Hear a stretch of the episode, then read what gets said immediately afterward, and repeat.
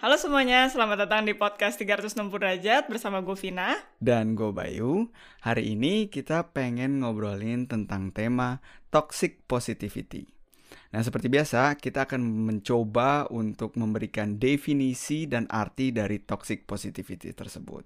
Uh, definisi yang bisa kita share ke teman-teman di sini, menurut gue pribadi dan menurut research yang gue lakukan adalah Toxic positivity itu sebuah kondisi di mana lu ngeliat dunia ini dengan satu kacamata yang kacamata ini tuh um, gimana ya kayak udah ada warnanya. Nah warnanya ini adalah si positivity tersebut. Positivity dalam hal um, kayak misalkan ke kebahagiaan yang terus pokoknya optimistik terus lah. Pokoknya semuanya bagus-bagus aja gitu.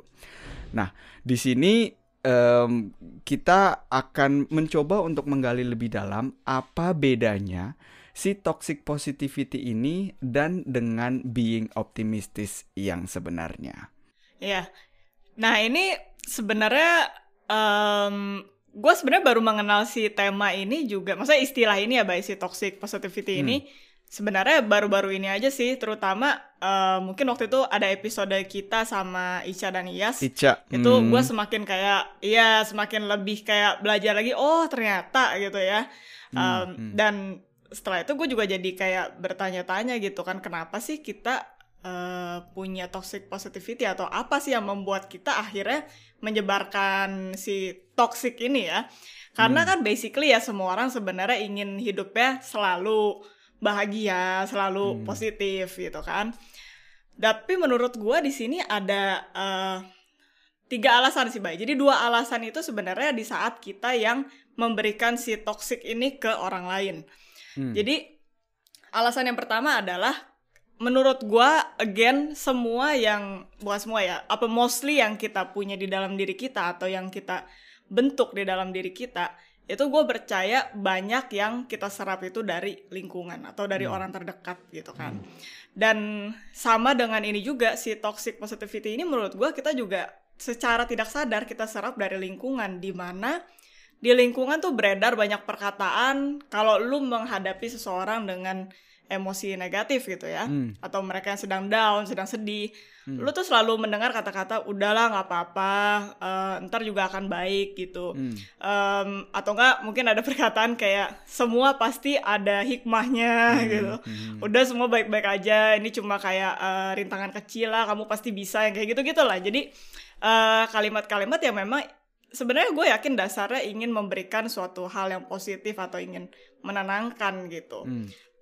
Um, dan alasan yang kedua adalah menurut gue karena kita itu tidak dilatih untuk ya mempunyai yang namanya um, empati sih, baik hmm. berhubungan dengan si episode kita yang lalu ya soal empati gitu. Hmm, hmm. Jadi kita tendensinya tuh lebih ingin memilih sesuatu yang cepat gitu. Cepat hmm. dalam artian kalau lu menghadapi seseorang dengan kondisi yang berat, lu tuh kayak ibaratnya ah udahlah gue gue kasih kata-kata yang tadi aja yang di alasan pertama gitu udahlah nggak apa-apa gitu santai aja lah gitu hmm, supaya hmm. lu bisa dengan cepat keluar dari lingkaran si orang itu atau dari si kenegatifan itu gitu dan hmm. lu juga nggak mau berlama-lama berada di situ dan mungkin kalau gue sedikit uh, bawa lagi apa yang lu bilang di episode empati lu kan bilang bahwa um, kita tuh kadang juga punya ilusi bahwa kalau kita berempati itu kita se seolah-olah kita akan membawa bebannya orang itu hmm. atau kita seolah-olah harus kayak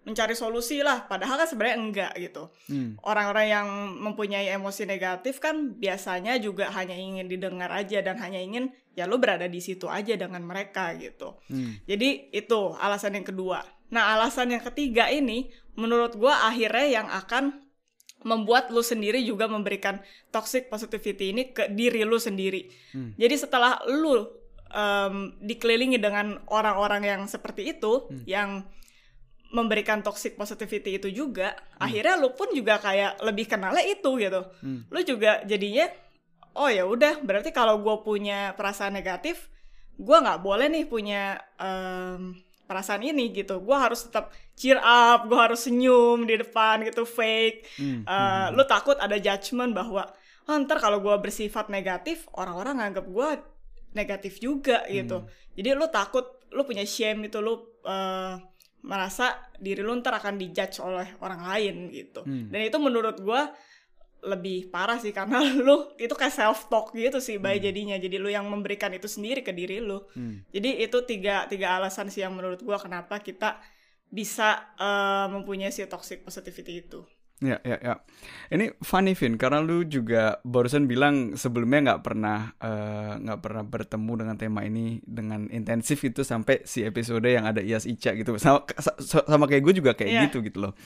Jadi um, kalau eh. gue ngelihat gue pribadi gitu ya, sebenarnya setelah again gitu loh untuk research episode ini, gue kayak juga mempertanyakan loh berarti selama ini gue juga mempraktekkan si toxic positivity ini dong karena uh, sampai sekarang pun gue memang mengambasadorkan mengambasadorkan apa ya um, satu sentence atau mengambasadorkan untuk melihat uh, yang baik di setiap situasi ya kan kayak lu mencoba dari hmm. setiap situasi lu cari hal-hal kecil yang bisa lu syukuri misalnya nah lu kan mensyukuri tentunya hal-hal yang uh, tak di kepala gua gitu ya lu lu mensyukuri uh, karena lu percaya hmm. bahwa ini ada sesuatu yang positif untuk diri lu juga gitu loh Nah, yeah. setelah gue mempertanyakan hal itu, um, gue jadi jadi gimana ya? Jadi mm, menyadari juga bahwa ya memang kalau lu ngelihat semua situasi negatif atau ngelihat semua situasi positif itu sebenarnya tuh ya memang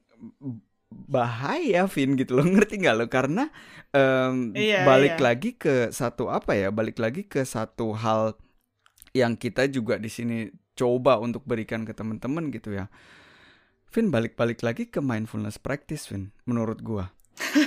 Ngerti nggak lo? Karena yes, uh, dengan mindfulness hmm. practice itu lu tidak melihat um, sebuah situasi baik atau buruk pada saat step pertama gitu kan. Lu melihat itu tuh hanya dengan apa ya? Hanya dengan um, kacamata yang netral aja gitu kayak yang tadi waktu awal gue bilang di definisi menurut kata-kata gue ya itu adalah lu udah punya satu kacamata yang lu ngelihatnya cuma yang baik-baik aja atau yang jelek-jelek aja gitu but kita nanti bakal perdalam juga ke tema gimana cara bisa keluar dari toxic positivity ini Nah sekarang yang pengen gue share hmm. adalah um, gimana sih cara kita melihat indikator-indikator yang ada di diri kita gitu ya. Apakah gue punya toxic positivity ini atau enggak gitu ya. Di sini um, satu indikator di mana lu um, gimana ya merasa bersalah di dalam diri lu nih ya, lu merasa bersalah kalau lu memiliki perasaan yang tidak positif. Tidak positif contohnya kayak misalkan lu uh, merasa sedih atau merasa um, apa ya, mm, grief tuh apa ya, sedih terus marah, berduka, ya. berduka, semua jenis-jenis perasaan yang di yang tidak positif gitu ya kalau kita mau nge-labelin itu. Nah, tapi lu tuh jadi kayak mm, lu kayak marah sama diri lu sendiri. Lu kenapa sih punya kayak gini gitu? Lu kayak nggak mau nerima keadaan itu hmm. sendiri. Itu menurut gua adalah indikator yang paling kenceng. Nah, indikator yang lain yang yang bisa gua share di sini adalah di mana lu berusaha setelah lu merasa nggak enak itu gitu kan ya. Balik lagi kayak yang tadi lu bilang gitu. Karena kita hidup di dunia sosial juga lu jadi berusaha untuk memakai topeng. Memakai topeng karena yang tadi hmm. lu juga udah bilang Vin karena lu takut orang-orang melihat lu lagi sedih contohnya atau melihat lu lagi marah contohnya. Jadi lu kayak merasa um, oh gue nanti gue kayak takut dijauhin lah atau takut diapain lah gitu kan. Jadi lu uh, terpaksa memakai topeng tersebut um, yang ketiga indikatornya adalah ini menurut gue juga parah gitu ya. Sebenarnya parah semua sih Vin indikator-indikator ini gitu ya. Tapi again gitu loh, gue sebelumnya nggak pernah sadar akan hal ini. Yang ketiga indikatornya adalah di mana orang yang punya rasa sedih atau marah atau berduka tersebut, nah kita yang kayak uh, nge, bukan ngejelekin tapi kita yang kayak udahlah nggak usah kayak gitu kayak kayak udah udah udah udah udah. Kayak yang tadi lu balik balik yang lu ngomong lagi Vin gitu karena udah ayo hmm. apa namanya positive vibes only gitu kan. Oh udah udah nggak usah negatif negatif lah ayo kita semua happy happy aja gitu loh. Jadi yang memang mungkin maksudnya baik tapi mungkin juga ya itu memang karena si orang yang mengatakan hal-hal tersebut memang tidak bisa tidak ada coping mechanism dengan perasaan-perasaan ya yang tadi gue udah gue sebutin itu sedih berduka marah dan kawan-kawan lainnya. Jadi itu menurut gue hmm. tiga indikator uh, di mana kita bisa ngeliat diri kita sendiri gitu ya. Apakah kita punya toxic positivity ini dan lebih parahnya lagi apakah kita menyebarkan toxic positivity ini ke orang luar? Sebenarnya setelah lo bilang kayak gitu kayaknya si toxic positivity ini cukup parah ya Bay ya. dan kayaknya hmm. gue juga dulu sering melakukan ini deh setelah hmm. jadi jadinya gue kayak mikir-mikir ke belakang hmm. uh, dan ya memang kalau misalkan kita nggak bisa keluar dari si toxic positivity ini itu menurut gue bisa harmful sih hmm. um, lagi-lagi memang yang paling parah itu ketika lu jadi um, apa ya menjelekkan diri lu sendiri itu balik lagi kan hmm. lu bilang diri lu itu negatif gitu karena hmm. lu mempunyai diri negatif. Gue kemarin tuh baca satu uh, statement gitu ya. Kalau lu punya si toxic positivity ini, lu tuh jadi feeling bad about feeling bad. Hmm, hmm. Tau gak lo? Jadi spiral. kayak doppel gitu loh. Jadi yeah. iya kayak spiral bener. Dan menurut gue itu juga jadi sama kayak addiction sih, Bay. Di hmm. saat lu berusaha kayak mengubur perasaan lu terus gitu. Hmm. Either dengan uh, alkohol, dengan drugs. Dan ini bisa juga lu kubur dengan positivity itu yang sebenarnya uh, efek efek lainnya lagi kalau lu tidak berusaha merubah ini ya lu juga tidak tahu apa root dari perasaan negatif lu tersebut. Hmm. Karena menurut gue di balik suatu perasaan negatif, apalagi kalau perasaan negatif ini selalu terulang dan ke-trigger uh, oleh situasi yang sama ya. Hmm. Menurut gue kalau lu kubur itu terus dan lu tidak tahu gitu, hmm. itu suatu saat uh, bisa meledak sih. Hmm. Karena di setiap di setiap emosi negatif tuh menurut gue itu menyimpan informasi, bay, hmm. menyimpan informasi apa yang mesti lu perbaiki di diri lu atau apa yang sebenarnya tidak lu sadari lu telan mentah-mentah gitu dari sekitar lu. Hmm. Nah kalau itu tidak bisa lu rubah, ya ya gitu deh bisa berbahaya suatu saat nanti hmm. sampai nggak ada yang bisa mengubur perasaan negatif lu itu lagi gitu hmm. yang meledak aja suatu saat hmm. ya tapi kalau sekarang kita balik ke pertanyaan awal Vin ya yang ini memang gue juga um, hmm. gue pengen apa ya gue pengen ngobrolin ini lebih dalam lagi dan exchanging tentang ini uh, di mana kita bisa membedakan jadi bedanya toxic positivity dengan optimistic itu apa Vin? kalau menurut gua ya, menurut gua pribadi ya, toxic positivity dan optimistic hmm. itu bedanya uh, ada di jalan tengah. Kalau toxic positivity ini ada satu satu kondisi nih ya. Karena gua udah pakai kacamata itu, hmm. gua langsung melihat kondisi ini menjadi kondisi yang positif, ya kan? Jadi cuma dua dua langkah. Sedangkan kalau di optimistic, hmm, gua ngelihatnya menurut pengertian gua dengan mindfulness practice yang juga kita berusaha untuk lakukan setiap hari, Vin, lu punya satu situasi. Mm -hmm. Lu nggak nge-labelin ini positif atau negatif. Ya kan? Jadi step mm. kedua adalah lu melihat situasi tersebut secara netral. Nah, yang ketiga baru deh lu being optimistic bahwa si situasi tersebut akan misalnya ke arah yang ingin lu capai atau yang lebih cocok kepada diri lu atau yang ya yang lebih comfortable buat diri lu lah gitu in in general gitu ya. Mm. Jadi menurut gue mm. bedanya tuh ada di titik tengah ini. Tapi kalau menurut lu tuh bedanya apa sih, Vin? Hmm, kalau menurut gue sih si optimistik sama positivity itu sebenarnya sama ya, baik kalau menurut gue ya. Mm Cuma yang menjadikan itu toksik adalah ketika busur lu tuh ke kanan banget, jadi 100% ke arah positif gitu. Hmm. Jadi lu mendismiss perasaan yang muncul ke permukaan gitu.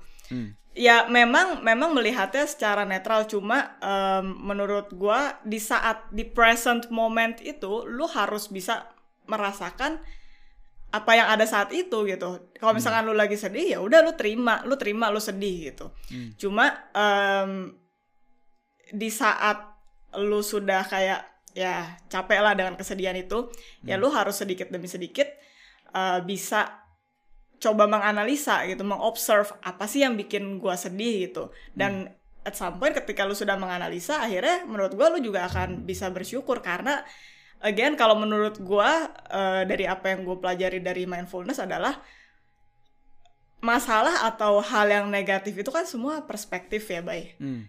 jadi kadang ya yang lu bilang sebenarnya semuanya itu netral yang bikin itu positif atau negatif ya perspektif kita aja dan pengalaman hidup kita gimana kita ngelihat itu gitu hmm. jadi um, menurut gue sih ya itu um, menjadi toksik kalau misalkan gimana ya jelasinnya ya lu tuh tidak tidak mengakui perasaan yang lu punya saat itu gitu hmm. dan kalau misalkan itu lu gimana ya bilangnya ya Bay ya? Dalam kata-kata. Gue jadi bingung sendiri. Bingung ya? Iya karena memang uh, karena memang menurut gue itu uh, uh, karena menurut gue itu emang juga juga juga mirip gitu loh. Jadi um, karena di satu di satu saat kita harus bisa um, kan kita kan juga bisa memberikan apa ya memberikan label kepada satu satu hal gitu ya. Apakah itu positif atau negatif hmm. atau apa pun itu.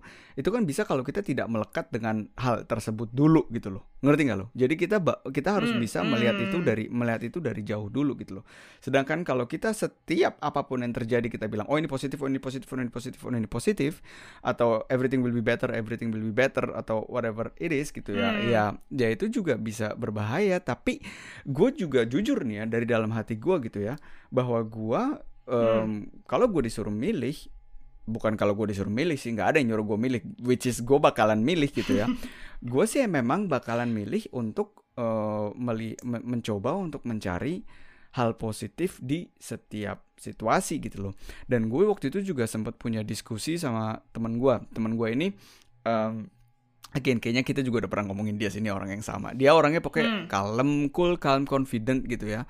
Dan dia itu kayak um, super content dan super damai dengan semua dengan semua kondisi yang terjadi gitu loh.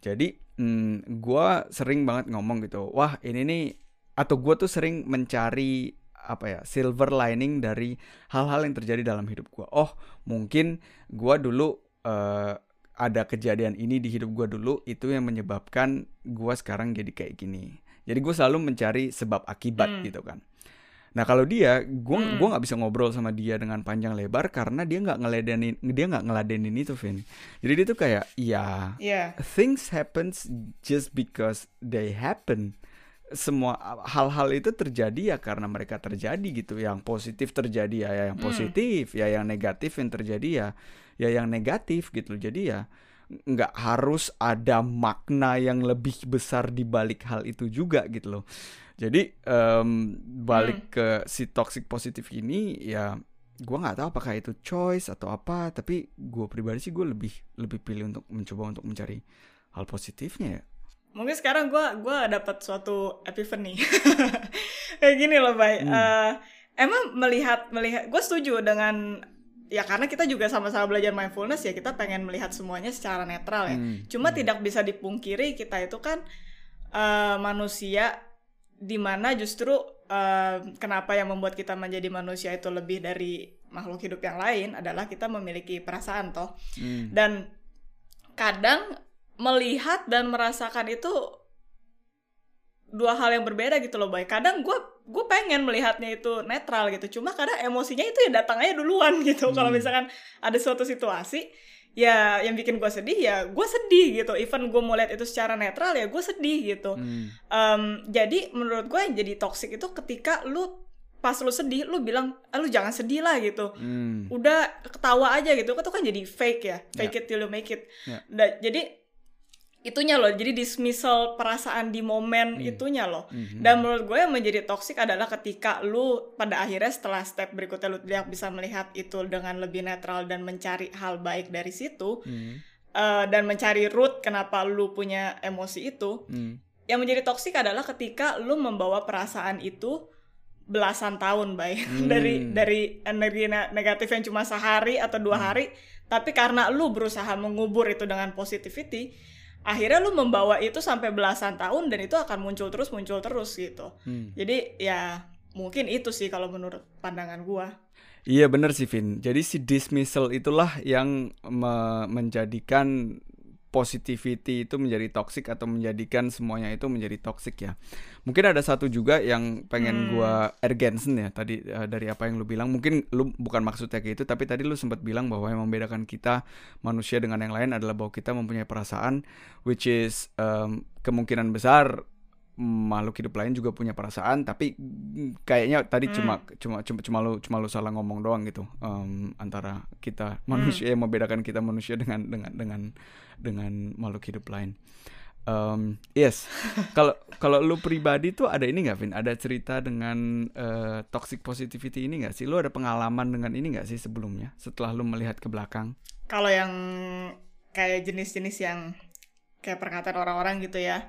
Udahlah santai aja yang kayak gitu-gitu itu mah sering banget bay maksudnya hmm. itu pasti orang-orang juga merasa itu sering banget lah ketemu kayak gitu hmm. cuma yang yang gue ngeh itu ternyata gue ngomong itu ke diri gue sendiri gitu dan hmm. gue jadi ingat satu momen di mana uh, kalau gue mau pergi konser atau gue mau ya mau konser lah gitu hmm. itu gue hmm. selalu nervous bay selalu hmm. gitu dan nggak pernah ada nggak tahu ya itu mungkin juga hmm, nggak hmm, tahu dah pokoknya nggak ada pelajaran yang kayak ngajarin lu gimana sih supaya nggak nervous gitu selalu kan dibilang hmm. udah nggak usah nervous gitu anggap aja kayak main di kamar sendiri gitu kan jadi hmm. again dismissal itu gitu jadi bilangnya seakan-akan kalau gue nervous tuh kayak nggak normal gitu loh nah hmm. Hmm. Uh, jadi gue pun juga bilang ke diri gue seperti udahlah nggak usah nervous gitu tapi apa yang gue ucapkan sama apa yang gue rasakan itu tuh kontradiktif gitu mau hmm. gue ngomong 100 kali udah nggak usah nervous ya gue tetap aja nervous gitu hmm. dan jadinya itu pun tidak berfungsi gitu Nah, akhirnya setelah belakangan gue mengenal tema mindfulness, gue tuh mencari kenapa ya gue nervous ya. Itu itu hmm. itu kan pasti kayak ada satu alasan dong, nggak mungkin lu kayak hmm. tiba-tiba di depan orang lu nervous gitu kan. Menurut gue itu pasti hmm. ada alasannya gitu. Hmm. Dan setelah gue mencari ya balik lagi ke perfectionism di mana hmm. gue selalu punya pemikiran bahwa oh kalau gue main depan orang gue harus perfect nggak boleh mainnya salah gitu hmm. jadi uh, itu yang yang bikin gue nervous tapi kalau gue gue membayangkan kalau gue tidak mengenal si mindfulness itu ya gue akan terus aja bilang udah jangan nervous jangan nervous pasti tetap aja gue nervous di atas panggung gitu nggak hmm. akan hmm. terselesaikan masalahnya jadi setelah gue pikir-pikir kayak itu emang toxic sih apa yang gue katakan ke diri gue gitu hmm. kalau ya, lu ada nggak bay suka self talk gitu gue self talk like almost always Vin lu inget gitu dulu dulu tuh ada ada video gitu ada video anak kecil di depan di depan mirror gitu ya I am beautiful hmm. I am loved I am this I am that nah itu basically itu adalah gua gitu loh jadi kalau ngomongin tentang tema self hmm. self talk um, itu gua gue melakukan gue melakukan itu dan memang melakukan itu dengan sadar dan sering gitu loh. Nah um, kalau yang tadi gue tangkap hmm. dari cerita lu adalah um, lu atau di saat orang tidak mengembrace perasaan-perasaan yang naik ke permukaan, hmm. yaitu itu akan menyebabkan satu hal yang tidak baik di dalam hidupnya. Menurut gue ya. Karena gini, hmm. Vin, ada juga hmm. waktu itu waktu itu gue juga tahu ada story tentang performer gitu ya. Jadi kayak misalkan atlet atau hmm. uh, performer yang juga ingin perform ke panggung dan kalau gue juga dulu waktu gue naik ke panggung untuk dancing gitu kan, gue juga ngerasain hal yang sama gitu loh. Nervous, wah anjir gimana nih kan nah semakin lu nervous semakin lu anjing nggak boleh nervous nggak boleh nervous sebenarnya lu semakin panik gitu kan nah um, hmm. waktu itu ada um, caranya di mana um, self talk yang yang waktu itu gue pelajarin ya self talk yang gue berikan kepada gue waktu itu adalah di mana lu uh, memberikan input secara sadar kepada otak lu bahwa yang lu rasakan sekarang itu bukan nervous itu bukan panik tapi adalah excitement kenapa Yes. Karena bedanya di di dalam physical badan kita, kalau lu ngelihat apakah lu excited akan satu hal atau lu nervous, itu indikatornya sama. Yang pertama, jantung lu berdetak jauh lebih cepat. Tuk tuk tuk tuk tuk, ya kan? Yang kedua, tangan lu tiba-tiba hmm. berkeringat. Anjir, gimana nih? Gimana nih bentar lagi mau perform gitu kan? Nah, dengan indikator-indikator yang sama itu, uh, instead of bilang udah lu nggak usah nervous sekarang santai aja gitu itu gue waktu itu ngomong ke diri gue kayak um, ya udah gue excited gue excited jadi gue bener-bener mengembrace perasaan ini gitu loh yang yeah, mengamplify yeah. itu tapi mengamplify-nya ke hal yang lebih positif gitu ya membuat gue bener-bener like pumped up gitu kan mau perform di atas hmm. panggung gitu loh jadi um, dan ya kalau gue ngeliat ke belakang itu sebenarnya nggak nggak nggak toxic di dalam mata di dalam pandangan gue ya dan balik lagi gitu loh kalau hmm. di dalam hidup gue ya ya itu sih Vin an antara toxic positivity dan dan apa namanya optimismus itu ya yang tadi awal banget juga gue pertanyakan gitu ya ya menurut gue yeah. um, jalan yang terbaiknya ya si mindfulness practice itu Vin karena sedikit lagi nih ya buat mm. menutup ini dari gue ya hanya dengan mm. gue menarik abstan dari kondisi tersebut di mana gue berkeringat tangan gue berkeringat dan jantung gue berdegup cepat gue bisa memilih secara sadar untuk me, gimana ya untuk ngomong ke diri gue sendiri ini gue nervous atau gue excited ya ngerti nggak lo kalau hmm. kalau tidak ada step hmm. tengah itu kalau tidak ada jarak antara uh, perasaan yang muncul dan gue melihatnya secara netral dulu ya berarti gue kan terotomat uh, out secara otomatis memilih salah satu dari dua hal tersebut gitu kan. Syukur-syukur kalau hmm. memang otomatismus yang ada di diri gua, gua langsung mikir, wah, gua excited nih. Sayangnya tidak seperti itu dan tidak semuanya seperti itu di dalam hidup kita gitu loh. Terkadang kita langsung ngerasa uh, ngerasa kecil, ngerasa takut gitu kan. Nah, itu bahayanya sedikit lagi Vin buat nambahin hmm. muncul juga di permukaan hmm. um, dan gue pribadi tujuan yang ingin gue raih adalah gimana gue bisa setelah gue melihat sesuatu gitu ya melihat mempunyai sebuah kondisi secara mindful gue bisa ngelihat oh ini positif atau oh ini negatif atau bukan kayak gitu oh situasinya tuh kayak gini nah kalau situasi kayak gini gue pengen yang gue pikirin adalah hal-hal yang positif gitu ya Nah, gue pengen membuat hmm. itu menjadi subconscious choice di dalam hidup gue. Dan itu bisa terjadi hmm. hanya dengan repetisi. Ngerti gak lo? Gue hanya hmm. bisa meng membuat itu menjadi program di mana gue berkeringat dan jantung gue berdegup cepat. Itu adalah excitement. Hanya kalau gue terus menerus secara sadar melakukan itu sampai at one point itu terjadi secara otomatis gitu menurut gua hmm. itu jadi kayak ini sih baik jadi kayak building habit kan lu kasih satu iya. clue gitu dan akhirnya otak lu otak lu bilang oh ini berarti artinya ini gitu kan hmm. sebenarnya hmm. itu juga gue terakhir-terakhir ya bay yang pas gue masih di Austria terakhir-terakhir hmm. kalau gue konser gue ganti memang kata-katanya dari nervous jadi excited itu hmm. gue belajar dari Tony Robbins kalau nggak salah hmm. dan waktu itu intermezzo sedikit guru gue pernah bilang juga ada satu guru gue dia bilang kalau lu bilang jangan nervous jangan nervous itu sebenarnya trik psikologi sebenarnya lu malah bilang ke diri lu bahwa lu nervous karena hmm. lu gunain kata-kata itu walaupun di depannya jangan tapi hmm. setelah itu lu bilang jangan nervous nah akhirnya hmm. lu jadi kayak anjir gue nervous banget nih hmm. gitu kan hmm. jadi itu ya intermezzo dikit dan menarik sih menurut gue permainan gimana satu kata itu bisa kayak ngerubah mindset lu gitu Definitely. Um, Iya. Tapi tadi kalau mungkin lu udah sempat share sedikit bahwa lu memilih uh, untuk bisa selalu optimis ya, baik kalau gua nggak salah nangkep. Hmm. Hmm. Tapi pertanyaannya adalah sekarang perlu nggak sih kita selalu positif gitu? Hmm. Karena kalau hmm. menurut gua, again, gua sangat uh, apa ya? Mungkin ini juga harapan setiap manusia gitu, di mana dia ingin hidupnya bahagia selalu gitu kan yang tadi hmm. gue bilang di awal uh, males lah drama-drama gitu kan cuma kan hmm. kan kita tidak bisa memungkiri bahwa hidup ini penuh ups and downs ya lu kadang merasa sedih lu kadang merasa seneng gitu kan hmm. um, menurut gue secara general gue pun ingin selalu uh, keep my mind positive all the time gitu ya cuman hmm.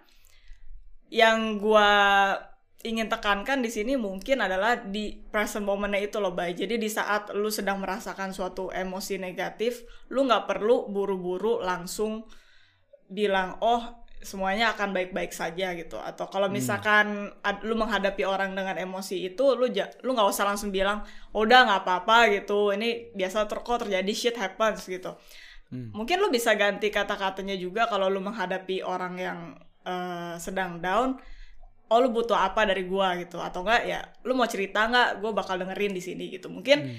um, kita juga relasi ke orang yang sedang down itu juga jadi lebih baik dan kita juga hmm. bisa melatih empati dan kita pun juga ke diri kita sendiri juga ya lebih menerima aja sih emosi yang ada pada saat itu gitu. Jadi hmm. secara general ya memang um, nantinya kita ingin mencapai goal yang positif gitu di mana lu setelah itu bisa melihat sesuatu yang lebih baik, lu bisa bersyukur gitu.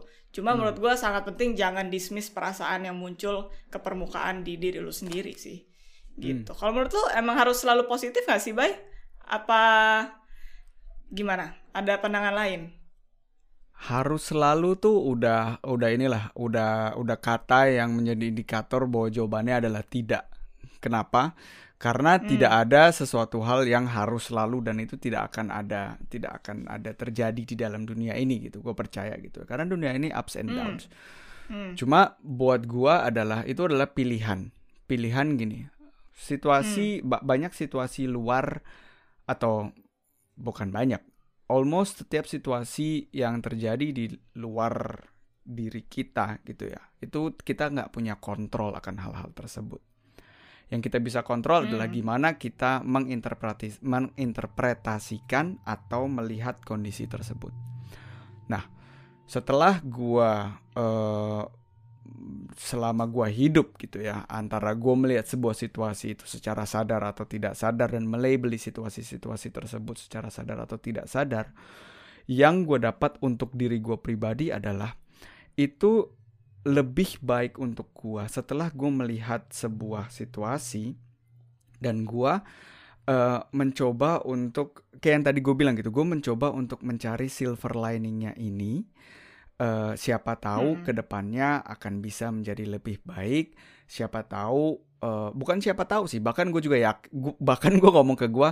kayak misalkan gini aja deh kondisi gue sekarang gitu ya. Gue sekarang um, ada kayak insecurity tapi setiap gue melihat keadaan tersebut gue bilang ke diri gue sendiri ini adalah jalan yang harus lu lalui supaya lu bisa sampai ke tujuan yang ingin lu capai. Kenapa menurut gue itu uh, lebih baik buat gue pribadi? Karena gue suka hidup hmm. dengan um, dengan apa ya dengan kondisi yang full of hope. Bahwa gue tuh punya harapan bahwa gue tuh hmm. punya uh, sesuatu satu hal yang gue kejar dan gue punya kesempatan untuk meraih itu gitu loh. Makanya gue juga yakin bahwa ini tuh uh, karakter abhängig jadi ini tergantung lo orangnya kayak gimana gitu ya. Um, tapi menurut hmm. logika gua dan apa yang gua udah alamin di diri gua sendiri aduh barusan gua nyolok mata gua sendiri sorry.